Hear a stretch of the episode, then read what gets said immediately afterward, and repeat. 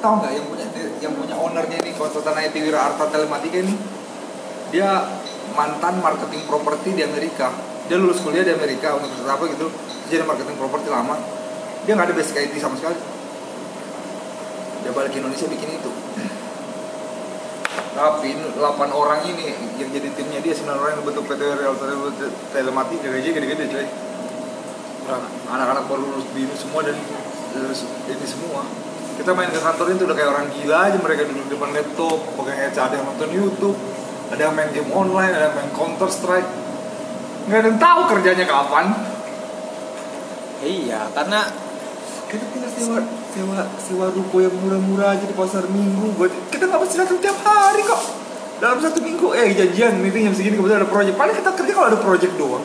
Penting bentuk bentuk usaha kita PT men. Bikin PT ini lo di, dalam PT kan bisa apa jadi komisaris sama direkturnya. Besok ada ini ada tender apa kita ikut. Menang syukur ya nggak menang ya umur bukan rezeki toh kita kerja kok masing-masing.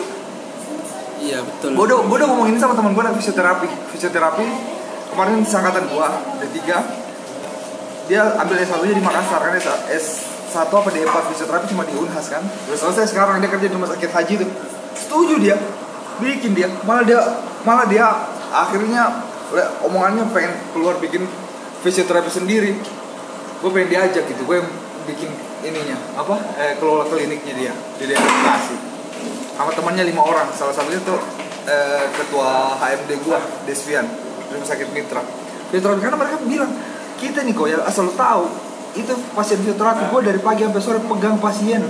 Gua yang apalah stretching lah semuanya. Dokter tuh gak ada megang cuma tanda tangan doang. Tapi mereka itu dokter tiap per pasien dokter tuh dapat 178 ribu dan gua kebagian 28 ribu fair nggak kok kata dia gua mau bikin klinik sendiri kata dia pulang kerja nggak apa-apa deh kata dia gitu ini kan judulnya awalnya gue bikin konsultan manajemen rumah, sakit aja. Lu bikin konsultan aja di situ. Kita bagi berbagi ini. Gue bikin klinik. Kita cing sengaja, eng. Bentuknya PT. PT PT. Ini mudahnya apa sih? Paling patung-patungan bayar ini doang satu tahun pertama. Kita dari satu tahun, satu tahun jalan nggak? Kalau nggak jalan ya udah. Kalau dalam satu nggak mungkin dalam satu tahun gak ada project kan nggak mungkin. Ca- di, di apa kata si Rizky? Di bagian Bekasi Jati Asih sana lu mencari ruko yang setahunnya masih 27 juta itu banyak. 20 juta banyak. Banyak banget. Itu aja di kantor. Nggak usah pasang pelang di kacanya aja konsultan. Udah kantor gak buka suka-suka kita dong. Kita kalau lagi sengaja Sabtu yang gimana ngumpul lah kantor ngopi aja ngopi ngerokok. Tiba-tiba gua sama lu kan sama-sama marketing nih. Eh gua kebetulan lu bilang gua kebetulan main ke rumah sakit tuh gua ngobrol sama ininya. Mereka lagi ada project nih bikin kayak gini. Bisa mungkin kita masuk bikin proposal. Ada project baru kita kerja nggak ada project kita kerja kerja kita masing-masing nggak terganggu juga. Kan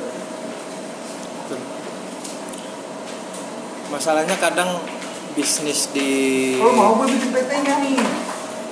Bikin aja dulu. Ya udah siapa nama namanya? Eko and Associate enggak lah ini pakai nama pakai nama PT beneran gak usah pakai. Nih nih gua kasih nih gua kasih tahu. Lu tahu medical evakuator kan? Yang ngurusin evakuasi medis misal ada pasien dari Freeport ke Jakarta itu ada ada usaha bergerak di bidang itu doang. Iya. menganterin pasien dari sana ke Jakarta. Dan itu gede. Sumpah lu. Iya dan Ah, namanya oke. nama orang doang. Menurut gua kenal namanya nama orang doang. Maksudnya nama orang nama apa nih yang nama yang diriinnya lah. PT Ah. siapa? Misal dia and associate atau siapa. Hmm. itu kemarin dia bawa pasien gua ke Singapura. Balik lagi. Enak itu enak banget itu. Mau pasien mau apa? Kalau masih bisa jalan pasiennya cukup pakai eh, bisnis kelas Garuda atau Lion. Kalau pasiennya sudah nggak bisa jalan bisa pakai stretcher atau stretcher kan? Jadi stretcher itu Master udah bukan 12 bangku pesawat paling belakang itu diratain Nah, diinstal bed kayak rumah sakit. Kalau pasiennya resikonya tinggi itu ya sewa sewa jet pribadi air ambulan. Ya isinya cuma evakuasi. Itu bisnis gedean. Itu juga. Kalau gue sih ngarahnya ke situ. sana. Itu modalnya gede. Belum kata siapa? Pesawat bisa sewa. Dokter bisa dibayar by project by by by cash lu kalau gua gua ini sih maksud gua? Ke, ke, apa sampingan-sampingan kayak gitu sama sekali nggak mengganggu kerjaan lu men.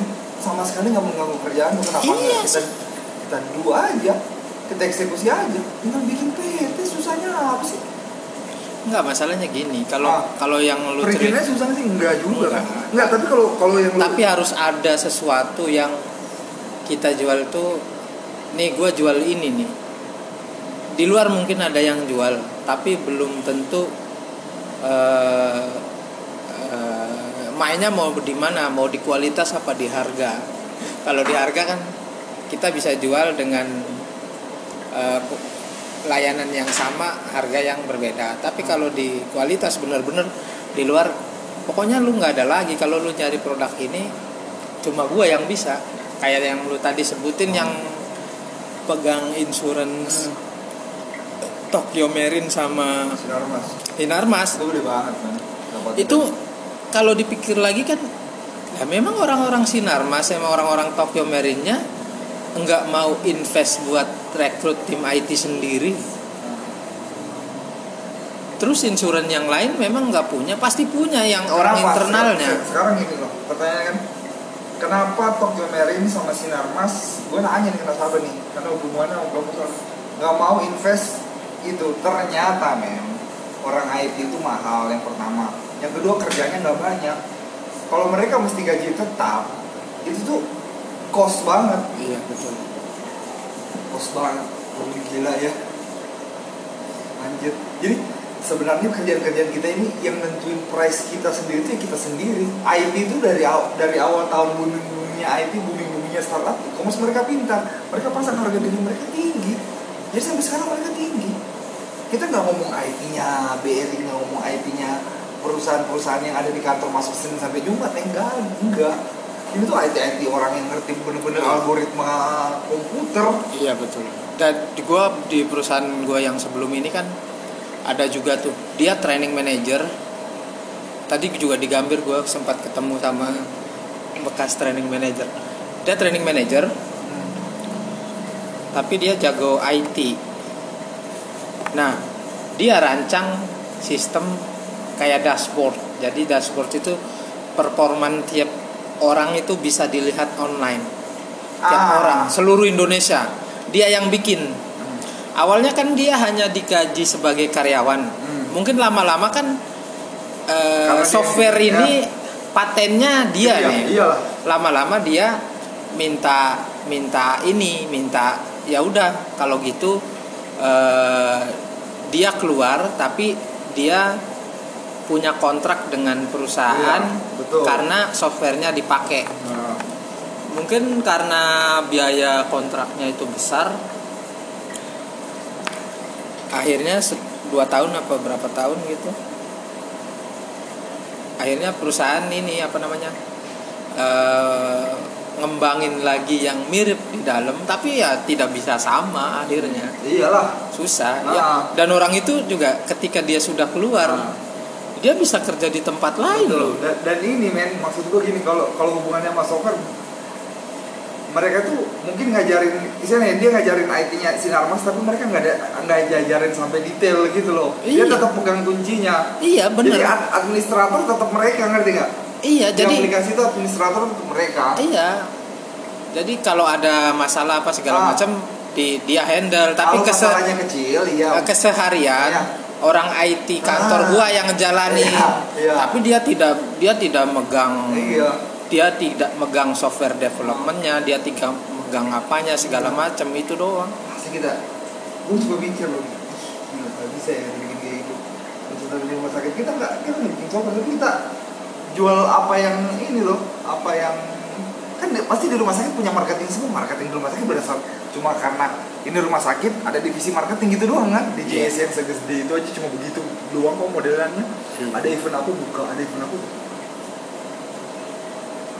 Maksud gua kita kan suka di rumah sakit tapi konsultan aja. Lu mau kerja di tempat lu sekarang silakan. Gua kerja di tempat gua silakan. Si Rizky kerja di rumah sakit itu jalannya kalau ada project sama-sama kita kerjain. Iya betul.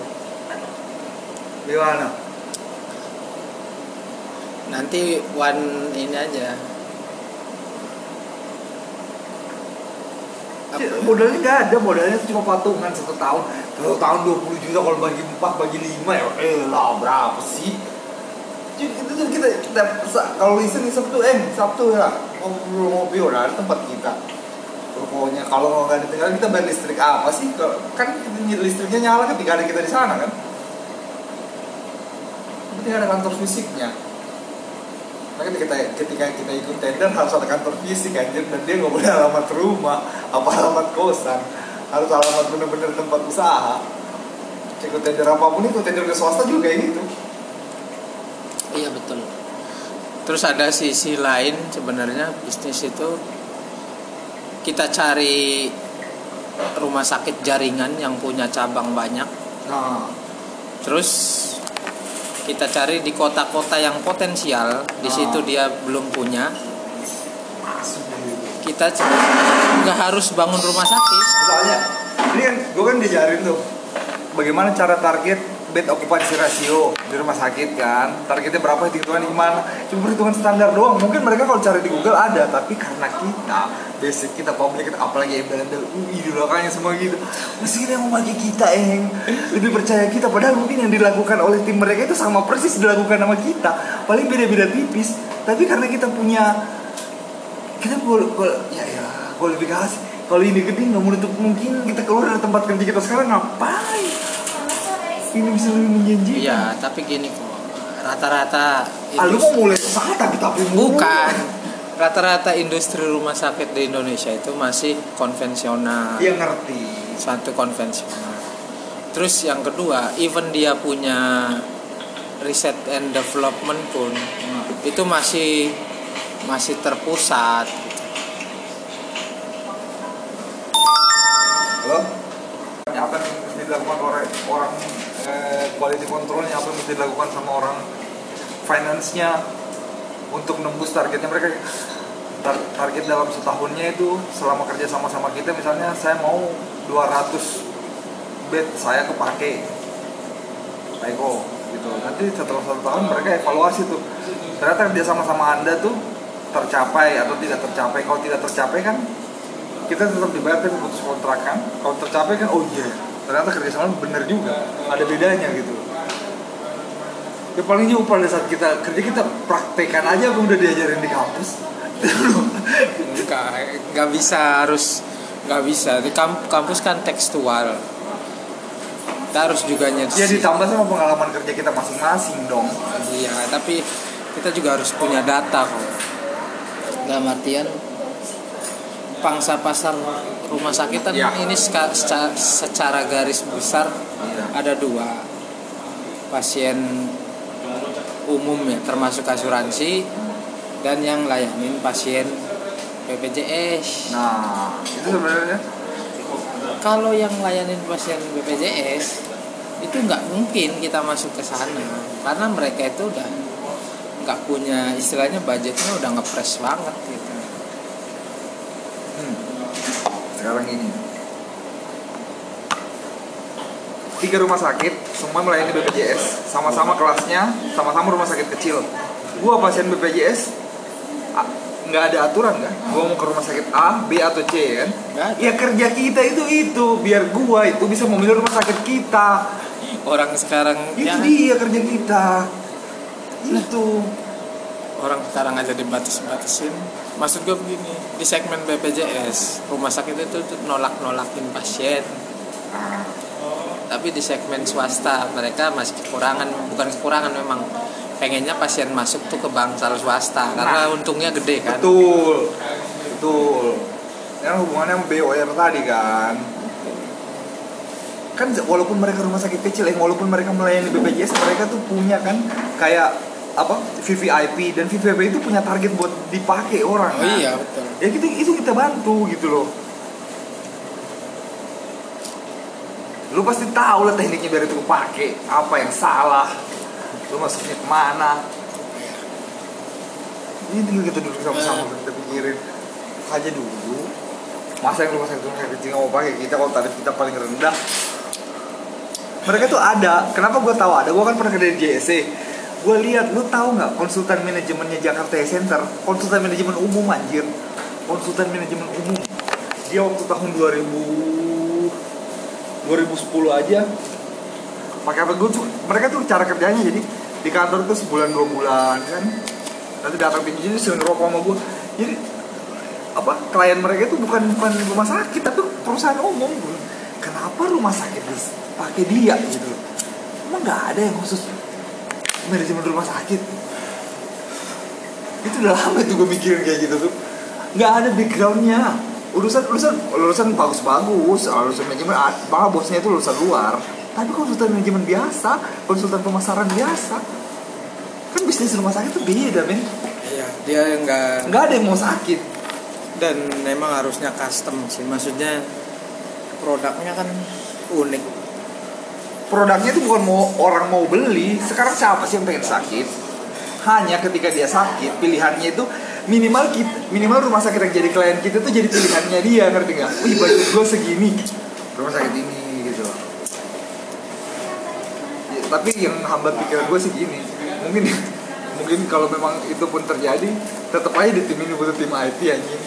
Karena hubungannya akan adalah pengembangan web itu pasti. Ya nggak sih? Itu itu pasti pengembangan web sih Rizky sih bisa kayak gitu gitu maksudnya. Rizky ini emang hobinya dari zaman gue kuliah D3 IT kayak gini.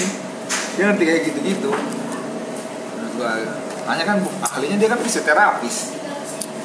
Iya makanya sekarang yang berkembang kan e-commerce yang kayak lu tau nggak? Halodoc. Ya halo dok apa tau nggak? Itu kan cuman itu gue sampai suka mikir loh kayak Alodok kayak gitu ya. Lu buka websitenya dokter selalu online gue bilang. Dokter selalu online. Dokter selalu online lu tanya juga. Selamat sore dok. Dia balas gue pernah lu buka aja sekarang. Maksud gue Iya, gila sa- saking se saking segitunya. Teman kelas adik gua yang teman kelasnya Bayu tuh waktu SMA dia tuh selalu tidur di rumah zaman sekolah dulu waktu SMA selalu tidur di rumah di kamarnya Bayu mulu. Jadi gua akrab banget sekarang dia jadi dokter. Kemarin dia kayak PKL di Jakarta tinggal di kosan gua tuh. Tiga bulan. Sekarang lo tau nggak dia balik ke kampung gua lebih kampung lagi dia jadi dokternya pesantren. Gue bilang lu ngapain? Kata dia. Mau ngapain bang gua? Gua mau kerja di rumah sakit. Lu tahu nggak bang gua kerja di rumah sakit eh di Makassar itu rumah sakit awal bros gue digaji berapa? Kata dia. Lebih gede gaji gue di sini. Masih itu kan dokter. Nggak ada bang. Sekarang dokter banyak banget. Lu cari teman gue dokter di grup juga yang nganggur sekarang banyak. Dokter cetaknya banyak banget. Public health tuh khususnya konsentrasi manajemen rumah sakit. UI doang yang punya UI masa sama bisa unggul orang bisa unggul? Come on. Iya, iya. ada potensi di situ ada potensi di situ. Gue sih percaya ada potensi jadi di situ. jadi gua menolak. Lu sama gue ini orang bisnis manajemen men kita ini apa lu praktisi lu tahu eh, bisnis. Ke depannya kalau untuk kalau memang ini bagus dan ada hubungannya sama bank kan gue yang bisa handle. Iya potensi pasti lu punya. Kita cuma cari orang orang lebih bagus sih kalau temen kita doang kan kalau gede yang penting kita di dalam BOD kita besok lu saya ini bisnis jalan kita di belakang doang nggak kerja lagi itu, itu, itu, lu tau nggak awal berdirinya Ernest and Young Lu Iya. tau Iwai kan? Iya. Gila sih itu Iwai sih Cuma berapa orang bikin iseng-iseng kampret Sekarang gede banget Lu tau nggak? Apa? Bank di Besi Mawar pakai mereka Itu di Indonesia Lu tau nggak sekarang junior doang magang di sana 3 bulan digaji berapa? 17 juta per bulan. Lu tau nggak Bank Rakyat Indonesia pakai dia? BRI Gue masih di BRI tahun 2014 Ernest and Young pakai. Umur berapa mas? 19 lulus dari mana gitu? Universitas luar negeri. Oh gitu. Dia kuliah di sana di sini kerja enggak saya magang doang. Dia kerja pagi sampai malam. Magang 17 juta anjing. 2014 udah gede banget dari kecil doang. Cuma niat beberapa orang bikin konsultan kayak gitu. Kau ini spesialisasi banget eh. Rumah sakit. Kita bisnisnya khusus rumah sakit. Gue yakin Ernest yang masuk itu kayak rumah sakit besar kayak Siloam Group kayak kayak yang gede-gede itu yakin gue mereka makan itu. Iya. Dan mereka mempraktek, mempraktek, mempraktekkan manajemen modern yang mereka tahu. Nggak nggak detail rumah sakit. Siapa sih yang punya background rumah sakit mereka? Kita loh. Iya. Grup ketika ketika ada kebutuhan untuk medical equipment lu yang handle. Ketika rumah sakit itu udah mulai berpikir bagaimana caranya gue dapat dana pihak ketiga dari bank gue yang tinggal itu udah di dalamnya men. Benar kita yang bantu cariin. Bisnis kita bantu mikirin dapat duit anjing.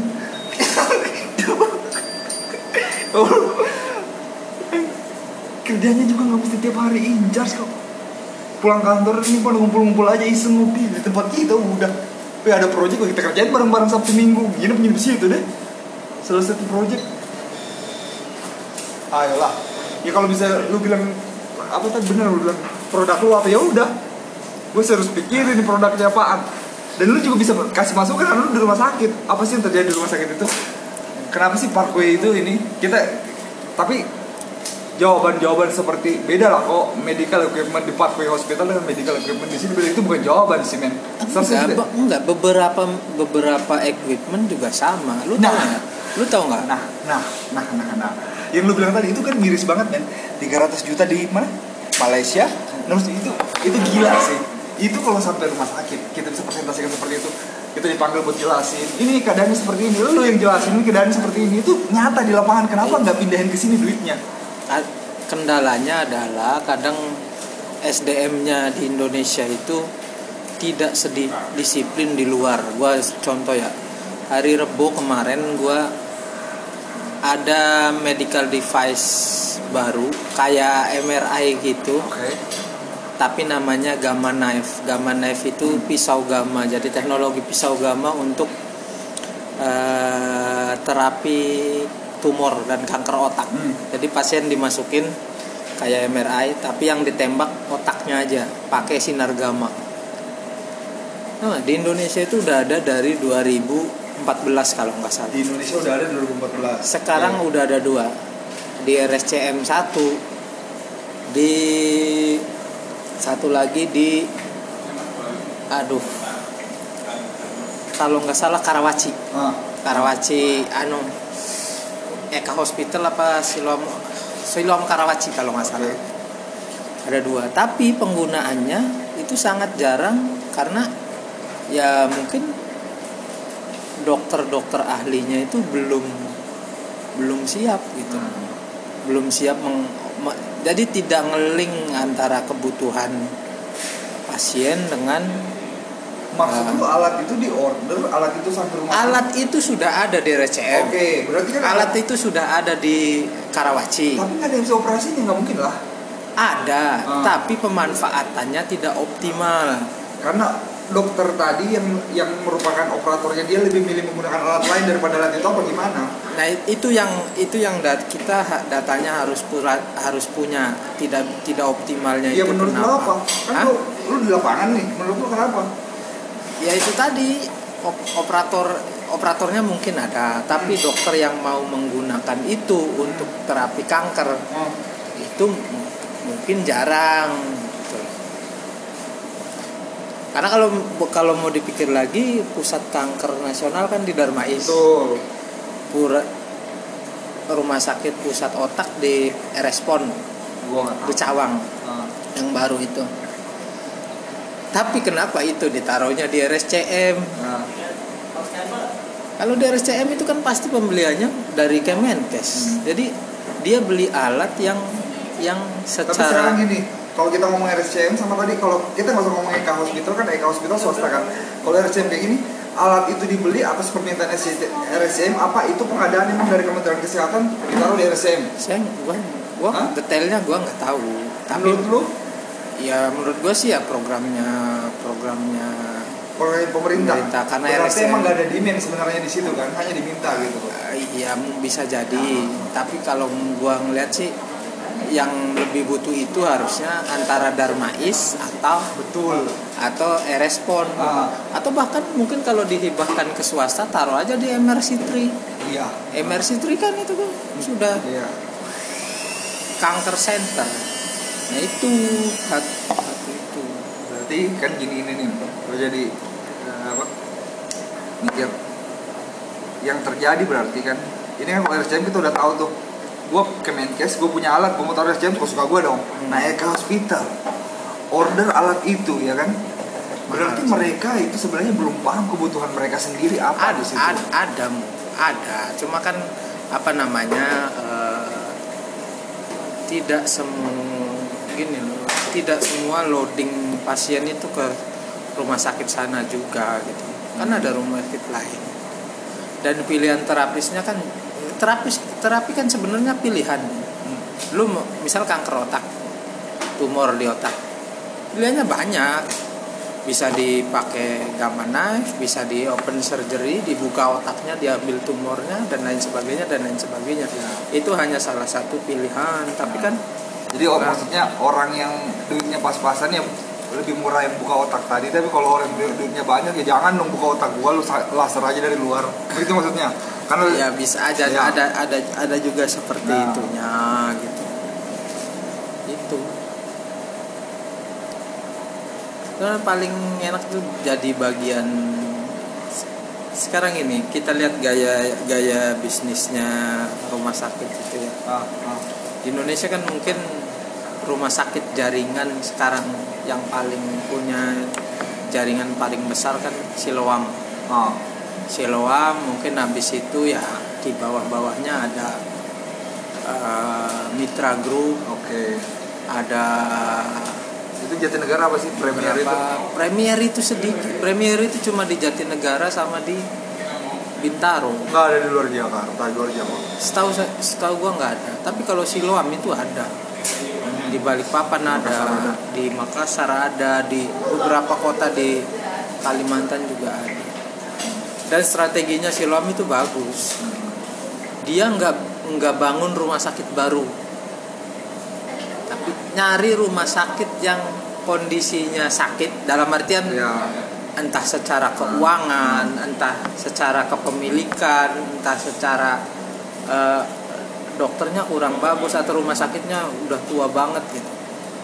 Dia beli, dia rebranding pakai nama hospital, dia kasih eh, keunggulannya spesifiknya apa dan itu mulai bagus lagi. Lu tahu nggak rumah sakit Asri yang di Duren 3? ada di Duren 3 itu namanya rumah sakit Asri Oh. dulunya kecil rumah sakit Asri karena kondisi keuangannya jelek dibeli sama Siloam namanya Siloam Asri. Terapi unggulannya di sana dia urologi. Dan yang praktek profesor. Pelayanannya juga bagus. Ada beberapa bule sekarang bagus bule-bule. Di Balikpapan ada rumah sakit gede rumah sakit Husada. Tapi dulu nggak bagus-bagus amat jauh lah di bawah Pertamina.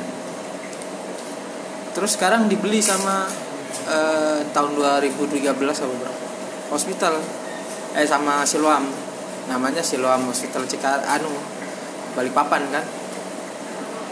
Sekarang dari segi alat dari segi dokter dari segi layanan apa pun jauh lebih bagus daripada rumah sakit Pertamina Balikpapan. Padahal rumah sakit Pertamina Balikpapan itu salah satu terbaik yang dimiliki rumah sakit Pertamina Group. iya. Eh, iya, Balikpapan itu secara lahan apa dulu kan emang Pertamina Kalimantan Timur kan gede kan. nah yang mesti kita cari tahu itu ya Nah, jadi sebenarnya kalau mau ini ya ny- nyari itu nyari nyari pemodal yang mirip Siloam Hmm. kita yang hunting rumah sakit rumah sakit yang sudah tidak sudah tidak secara bisnis tidak menguntungkan. Ah. kita propose ke mereka kita punya data rumah sakit. Ah. rumah sakitnya adalah ini kondisi letaknya si- sini potensialnya adalah ini ini ini ini, ini. gitu. Ah, itu salah satu produknya. Cakep tuh. Gitu iya sih. Begina ya pertanyaannya gini loh. Kan kalau kalau seperti itu kan pasti si luang grup ini yang notabene mereka nggak punya batasan modal pasti ada salah satu divisi yang ngurus soal itu kan? Apanya? Ada pasti salah satu divisi di perusahaan mereka di Siluam Group ini yang ngurusin soal itu. Iya. Hunting rumah sakit seperti itu ya kan? Oh iya. Pasti. Pasti. Itu istilahnya market ekspansi market mas market development. Gila sih kalau gua ngeliat nasabah bisnisnya gitu-gitu doang. Bisnisnya niat nggak niat gitu loh.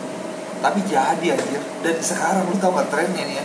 Sejak 2000 2010-an ke atas lah bisnis jasa itu bisnis jasa itu bisnis jasa itu apa? Eh, dia mulai tumbuh tumbuh banyak sama ini eh, mereka itu bukan bisnis dulu bisnis jasa itu bisnis yang dibawa bisnis trading. Kalau bank melihat kita dulu tuh nggak bankable sama misalnya nih lu seorang konsultan lu datang ke bank pak saya mau pinjam duit. Itu nggak dilihat men. Pertama lu tuh nggak punya persediaan. Lu tuh cuma jual otak lu aja pemikiran lu. Itu bank nggak ngeliat itu. Bank itu membiayai piutang sama persediaan. Kita tuh melihatnya piutang lu punya piutang persediaan kasih tempo ke orang tiga bulan terus lu lu nggak nggak nggak pakai hutang ke supplier tapi bayar cash kan berarti ada gap tiga bulan. Tiga bulan kan selalu mesti jalan kita biayain di situ tuh masuk tiga bulan. Itu tuh bisnis bank dulu kayak sekarang enggak ya berubah. Bank bisa terima jasa gitu. Bas bank bisa ter- lu bisa propose ke bank.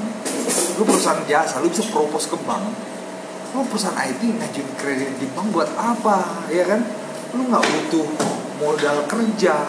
Lu nggak ada perpotan lu kerja bayar project bisa mereka bisa propose ini nih kita kembali ke contoh data telematika ini begini kok pak Bapak kalau ngelihat mutasi saya tiga bulan terakhir emang nggak kelihatan karena saya dibayar per termin. Bapak harus narik dari satu tahun terakhir dong, Januari ke Desember. Lihat penghasilan saya berapa. Masuk iya dong. Bener di bulan 6 masuk duit 800. Di akhir tahun masuk duit sisanya. Kontrak kayak gitu. Dan kadang-kadang di pertengahan bulan masuk duit 300. Duit apa ini? Karena kita bantu kembangin softwarenya. Gitu jadi udah udah ngelihat kayak gitu udah ngelihat udah ngelihat posisi seperti itu kita bank itu udah melihat. Karena memang bisnis trading itu bisnis trading itu gitu-gitu aja. Bisnis trading itu gitu dan resikonya gede. Kalau bisnis jasa enggak hari Januari lu kasih dia modal kerja udah pasti Desember dia dibayar lunas. Kontraknya ada jelas tanda tangan dua belah pihak di atas notaris. Ya dong. Tapi kalau trading pak saya jualan alat kesehatan nih belum tentu alat kesehatan yang lu yang kita biayain. Saya bapak mau minjem duit buat apa? Ya buat pinjaman beli alat apa beli alkes dari luar negeri buat saya jual. Jadi persediaan bener jadi persediaan. Dia beli jadi persediaan tapi emang laku pasti sampai Desember. Belum tentu. tentu, iya. sekarang dia katakanlah terjadi apa eh, gagal bayar untuk modal kerjanya. Bank sita alat kesehatan emang bisa laku kalau bank yang jual. Dia aja yang notabene penjual alat kesehatan gak laku karena aku bang berpikir ke situ men. Jadi, sekarang bisnis jasa ini lu tau gak kenapa bisnis jasa ini bisa tumbuh? Banyak orang sekarang buat bisnis jasa jasa apa pun itu. Jasa penyalur OB jasa penyalur eh, driver driver ini. Karena dia sekarang udah gampang dapat modal. Tadi bang. Itu yang pertama. Udah gak dilarang lagi. Dulu dulu kalau kita ngomong bahwa 2010 bahkan 2014 waktu gue masih di BR itu agak susah bang menerima itu lu ingat nggak cerita kaskus? Kaskus yang dibeli jarum? Kaskus itu datang ke BCA pinjam modal kerja ditawain. Jadi lu tau nggak karena di dunia di di dunia itu sebelum masuk Indonesia ada yang namanya dana ventura. Sekarang udah banyak lu sering dengar kan? Dana ventura itu kan biayain usaha yang nggak bankable. Salah satunya IT dan sejenisnya e-commerce segala macam gojek gitu gitu kaskus ini datang ke BCA bawa proposal pinjem. Modal kerja dia buat pembelian aset. Sampai BCA ditolak. Alasannya ngapain? Itu kan usaha jasa nih. Dia anggap si kasus nganggap asetnya dia adalah berapa juta pengguna aktif dia. Itu nggak bisa dianalisa di bank. Tapi di dana ventura bisa. Makanya kenapa dia dapat dia dapat dari Cina pinjaman nggak selang berapa lama ditawar sama jarum. Sekarang jadi miliknya jarum karena sekarang orang udah paham ternyata usaha seperti itu ke depannya bakal booming. Makanya sekarang apa apa laku. Kemarin Gojek sama Grab sempat nggak dibiayain sama Indonesia karena kayak gitu. Tapi setelah dibiayain terang-terangan dibiayain Grab dibiayain luar Gojek dibiayain dari luar mulai berpikir bagaimana caranya biar kita ambil pasar pangsa pasar itu kita aja yang biaya Gojek. Itu Indonesia udah kayak gitu sekarang. Makanya jasa itu booming lu kalau lihat Play Store kalau pakai Android sekarang aplikasi banyak aneh-aneh temen gua ada yang kerja di Moneta. Moneta itu perusahaan IT kecil banget di daerah apa? Di daerah dekat Gandaria City kantornya mereka sewa. Ini gua gua disuruh install aplikasinya. Aplikasinya masih beta. Aplikasinya ini simple banget men. Aplikasinya ini cuma ngebantu orang cari di mana di Jabodetabek ini kurs paling rendah untuk money changer. Siapa yang pernah mikirin? Temen gue yang bikin. dan itu dan itu tahu nggak selisihnya Hmm. nggak jauh dari 200 perak Boro-boro mainnya di bawah 100, 0, berapa, 0, berapa poin. Kema- Itu kema- sih gila.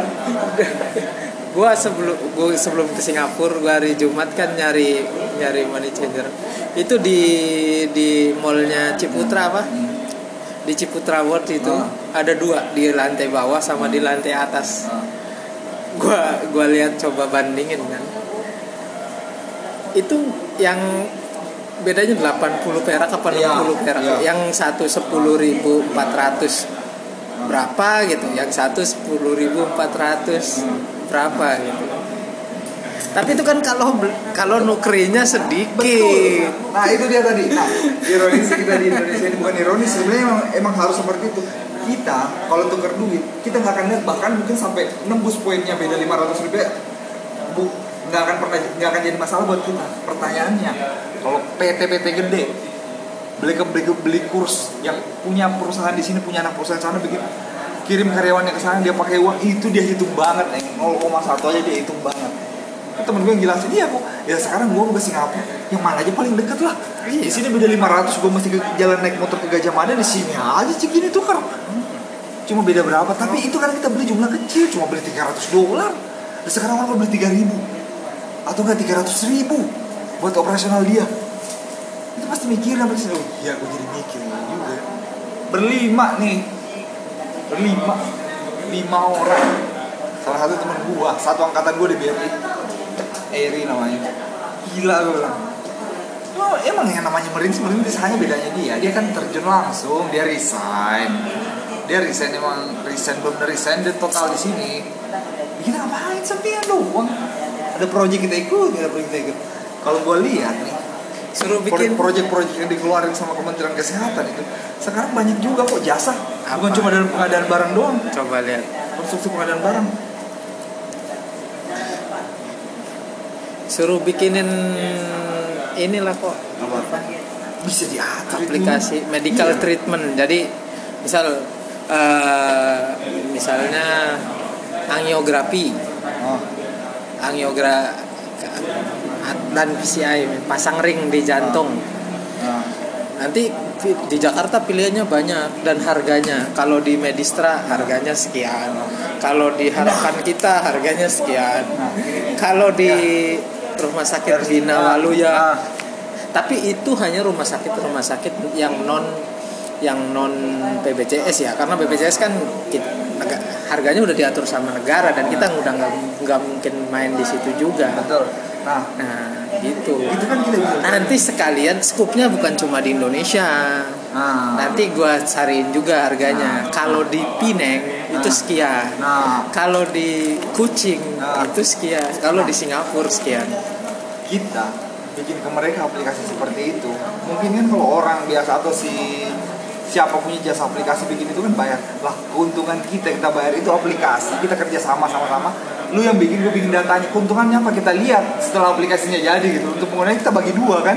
Itu hubungan kerja sama kita sama kan kita bukan ahli IT tapi tetap aja hubungan kerja sama kita sama dia harus kerja sama kontrak dua PT satunya PT kita iya siap iya karena sehebat sehebat apa pun orang IT dia tetap Iya. perlu orang Iya. resource Iya. yang ahli di bidangnya Iya. orang itu kan hanya Ah. hanya hanya me- Hmm. menginterpretasikan dari data mentah ke coding Betul. kan ke coding betul data mentahnya itu dari mana ya dari orang yang paham dan di ketika bisnis itu semua lah itu diupload juga butuh kita lagi kan Eh, datanya masih valid nih Pak Erdanto data datanya masih valid nggak? Masih. Bisa. Ya udah hubungan kerja sama jangan hubungan karena kalau kayak gini udah gak ada teman lagi. Bikin kontrak mau PT PT dia mau PT kita. Ini kalau diposting di podcast harusnya namanya apa ya? Podcast. sih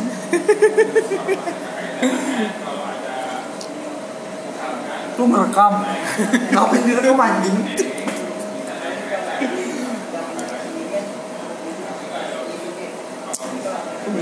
Gitu gitu, kalau kita cuma apa kerja aja kerja aja, masa gue liat banyak gue lihat banyak banget yang banyak banget yang dari keseharian gue aja. Aduh gue visit datang ke nasabah. Ini usaha apa pak? Jelasin kan kalau kaji gue kalau gue kerjanya itu lu nasabah lu calon nasabah mau minjem gue gue cerita dari awal bahkan gua- lu mulai cerita itu dari awal kuliah itu jurusan apa. Itu jadi pertimbangan banget ketika lu jurusan medical equipment atau apa berhubungan sama kesehatan tiba-tiba lu kerja di bangkai gue ini. Itu jadi pertimbangan dengan lu benar-benar emang ahlinya di bidang itu lu kuliah di bidang itu dan lu tau nggak banyak banget banyak banget banyak banget orang-orang tuh dari teknik dia mereka teknik dia jualan dia teknik jual teknik jadi marketing. Marketing jualan eh, apa? Kayak piping besi gitu yang dipakai sama Astra jadi komponen untuk membuat mobil kan. Ini nasabah ini bener ini ada di Koja tuh Pak Sumandi namanya orang Jawa. Saya kerja 2 tahun doang kok kata dia. 2 tahun 3 tahun kata dia. Saya kerja 2 tahun 3 tahun di perusahaan itu. Saya kenal dong semua customer perusahaan itu. Saya juga tahu perusahaan saya itu ngambil barang dari mana. Kan impor dari Cina saya keluar bikin sendiri. Sekarang dia masuk sendiri coy pinjamannya dari gede banget omsetnya gede banget. Dia bilang gini kok. Eh dia bilang gini tuh gua.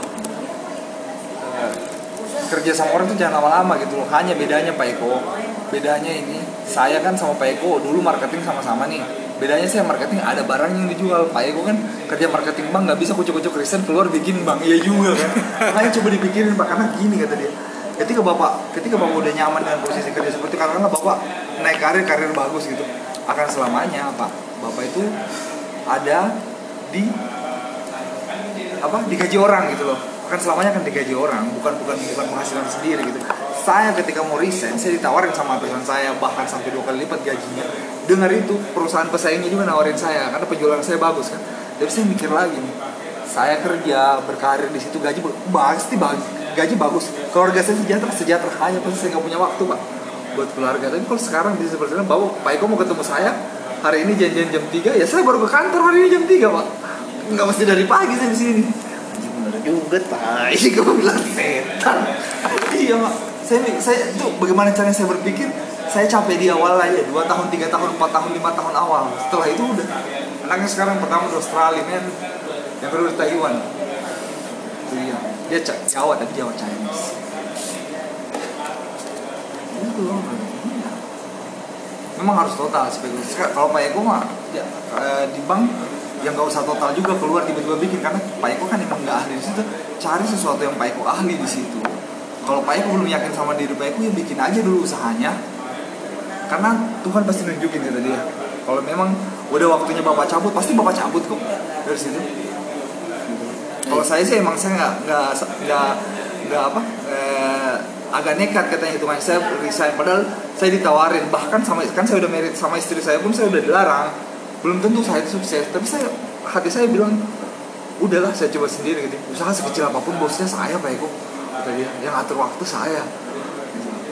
Jabatan setinggi apa pun saya tetap digaji orang. Yang kasih makan saya dan istri saya ya orang gitu. Betul dan 70% orang berwirausaha kan 70 persennya di bidang yang sama di yang Eh lu posting posting sebelumnya begini dan lu lu posting di podcast ada yang buka dulu daripada kita goblok. Dia mikir anjing. Oh iya bener juga ya.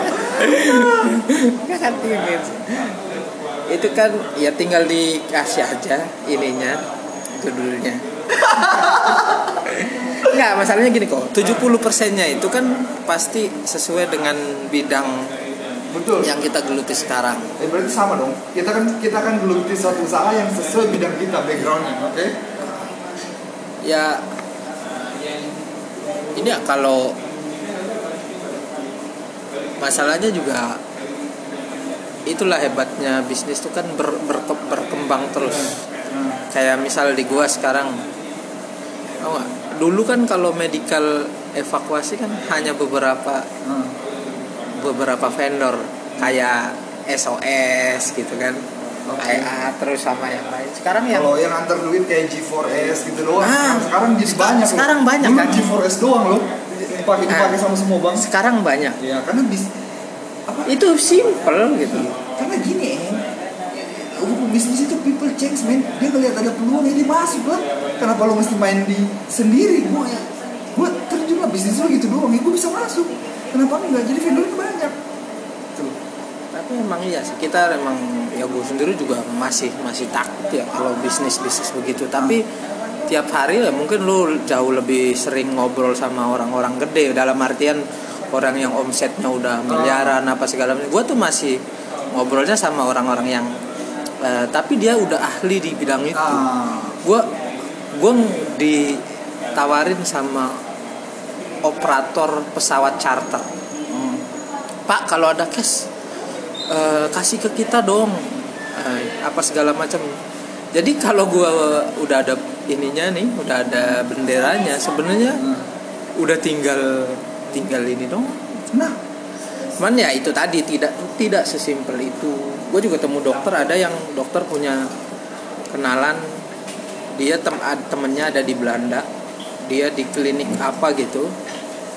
Dia bisa treatment. Cuma kan ya itu tadi harus harus betul-betul dipilah harus betul dipilah sekarang itu udah segmented dunia kesehatan itu. Even kalau orang lari ke luar negeri pun tergantung sakitnya apa. Kayak almarhum yang hari ini meninggal Pak Sutopo itu. Ya. kenapa Pak Sutopo itu lari ke China ke Guangzhou? Karena di Guangzhou juga udah bagus. Kenapa orang-orang donor liver donor ginjal itu larinya ke Cina ke negara-negara kayak mungkin Vietnam Myanmar karena di sana secara legal orang dapat donor itu lebih mudah daripada negara-negara yang konsekuensi hukumnya itu tinggi. Kayak Singapura itu konsekuensi hukumnya tinggi. Orang nggak bisa beli dalam artian donor itu beli di Singapura tuh nggak bisa harus dari keluarga apa segala macam. Maka lari ke sana. Orang kalau mau bedah plastik kemungkinan larinya dua antara Korea sama Thailand. Korea Selatan sama Thailand adalah banyak beberapa segmented dan itu tuh eh, belum ada yang secara profesional eh, jasa medisnya yang seperti one stop shopping gitu. Dia datang ke situ gua mau ke sini nih. Gua mau ke sini nih gitu. Itu itu juga sebenarnya pulang-pulang tadi peluang-peluang ini dia lah misalnya nih orang mau apa eh, operasi kecantikan. Kalau ada salah satu advisor yang bisa bantu dia untuk memilihkan kelebihan kekurangan dari Thailand apa di Korea apa bahkan sampai ke providernya mungkin itu luar biasa banget men. Dan gua dan gua duit men. dan itu pasti besok lusa ada yang mikirin jadi intinya enggak ex- actually sebenarnya sudah ada orang sudah ada orangnya. Tapi masih konvensional. Dalam artian begini dia kerja sendiri punya alamat kantor juga di rumah sendiri. Dan dia dia nggak dia punya izin usaha kali? dia dia nggak punya izin usaha. Dia Ah. cuman kalau ada orang datang nanya gue mau pergi ke Korea nih masalahnya ini. Dia bisa urusin dia gue mau ke Pineng nih Ah. mau sakit ini dia bisa urusin mau ke mana pun gitu seperti itu. Nah. Bahkan ke ini. Jadi dan kelemahannya kalau masih konvensional perorangan ya kemungkinan ekspansi bisnisnya juga nggak bakal besar karena exposure-nya kan sedikit. Betul. Orang tahu dari mana kalau lu bisa itu kan? Hmm. istilahnya sama kayak rumah makan enak tapi nggak masang plang Iya. nggak rame gitu. Ah. orang tahu dari Tempatnya mana kalau strategis kalau kalau lu kalau lu enak gitu. Betul. itu juga sih udah mau sejam nih kok itu salah satu salah satu salah satu itu udah ada tuh salah satu produknya itu tadi yang medical evakuasi lu bisa, kita bisa nanganin apa aja lah medical evakuasi konsultan manajemen kemudian apa eh, konsultan SDM lagi dulu skripsi gue waktu di JSC itu kan gue skripsi di JSC judul skripsi gue itu mencari kebutuhan tenaga kerja karena tenaga kerja di rumah sakit itu berbeda hitungannya. Mereka selama ini lu tau nggak? Tenaga kerja di rumah sakit itu make standarnya Kemenaker Trans. Di Kemenaker Trans nggak dihitung spesifik men. Tenaga kerja medis. Yang atur itu spesifik WHO itu gue jadiin skripsi kemarin di JSC gue hitung jadi si JSC masih hitung dua shift gue hitung tiga shift. Gue dipanggil dong ambil itu. Berarti kamu nanti di skripsi salahin saya? Enggak dong pak. Saya nggak salahin bapak. Bapak bener ngikutin Kemenaker terus hanya saya kasih advice. Karena WHO itu ternyata begini pertimbangannya apa? Tenaga medis itu beda pak sama tenaga operator biasa di perusahaan biasa. Tenaga medis itu urusannya sama pasien. Walaupun dia perawat dia juga punya konsentrasi. Ketika dia meriksa pasien konsentrasi dia harus konsentrasi. Konsentrasi manusia terbatas. Makanya WHO baginya tiga shift. Dan mereka terima gitu. itu ih itu kan salah satu ini juga. Itu dia, dia JEC men yang dan punya dana bantuan dari Jerman masa pakai aturan Kemenaker trans perawatnya pakai dua shift pagi siang siang malam. Iya sih. iya.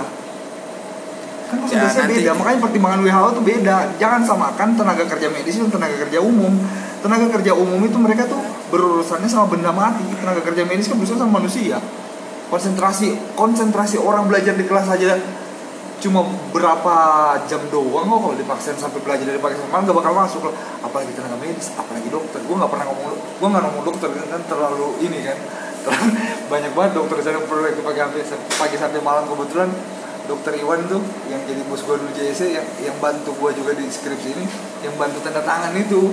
Ya nggak mungkin ngomongin dokter lah ngomongin perawat aja perawat. Harusnya lu gak paham Ah. padahal di luar itu udah beda loh. Kayak di Singapura itu dokter praktek dari pagi sampai sore. Ah. jam jam 5.30 jam 6 itu udah selesai. Nggak ada praktek malam itu. Nggak ada. Dan paling praktek di satu dua tempat gitu. Ya, pokoknya kalau istilahnya apa namanya ya kenapa orang lari ke sana? Kan karena layanannya lebih lebih dokternya lebih fresh gitu. Tidak di, tidak dia tadi. Betul, malam praktek betul. sampai Iya. jam 1 sampai Ah. jam 2 Iya. besok pagi-pagi harus sudah di rumah sakit lagi kan sekarang kan orang-orang yang mengerti itu memang di nggak usah ngomong Indo di Jakarta ini mungkin ada mungkin ada tapi kebetulan mereka adalah praktisi di situ kayak dokter misalnya paham seperti itu dia paham dokter di kita lu tahu sendiri kan dokter Iwan itu kayaknya nujubilah tapi tetap aja pokoknya gue nggak mau ya. Gue dokternya gue nanti pasien dari jam 2 ke jam 3 mesti gue padahal dia udah praktek dari pagi. Cari duitnya mulu.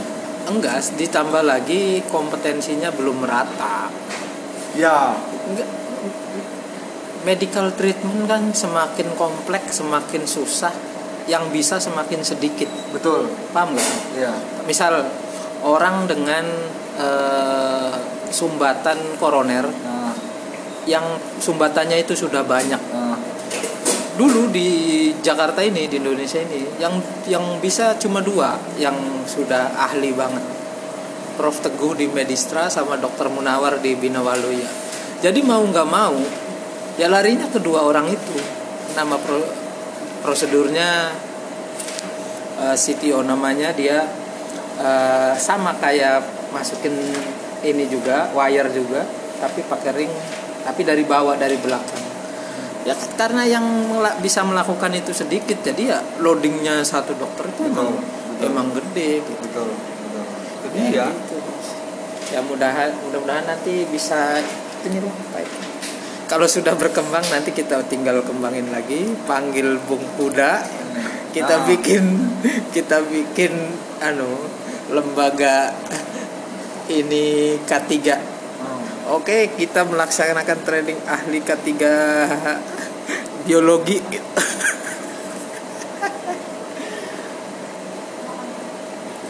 sampai terakhir itu pada saat tuh selesai skripsi kan manajer SDM di Jakarta Center itu bukan dokter.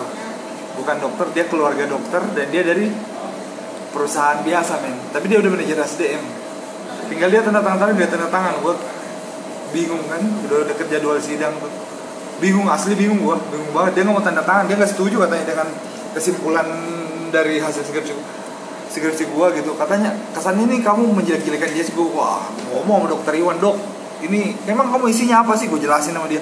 Kayak gini kayak gini intinya ini advice kan? Maksudnya lu iya ini diatur resmi. Nggak ada aturan di undang-undang rumah sakit di Indonesia itu nomor 19 itu tahun 2000 nggak ada atur itu. Emang makanya kenapa rumah sakit Indonesia ngikut yang standar Kemenaker trans pertama nggak diatur kedua lebih mudah lah pakai dua sim daripada pakai tiga sim Iya. ya dong ini advice akhirnya dia telepon tuh dia nggak dijelasin dia tanda tangan juga oh men ya gitulah. Ya udah mau sejam. Ya ini obrolan singkat gua dengan Bos Eko. Lu Paham post- marketing. Lu, lu posting di podcast mana sih? Iya nanti aja kita tunggu. Enggak, lu ada nggak yang lu posting? Lu udah posting? Belum.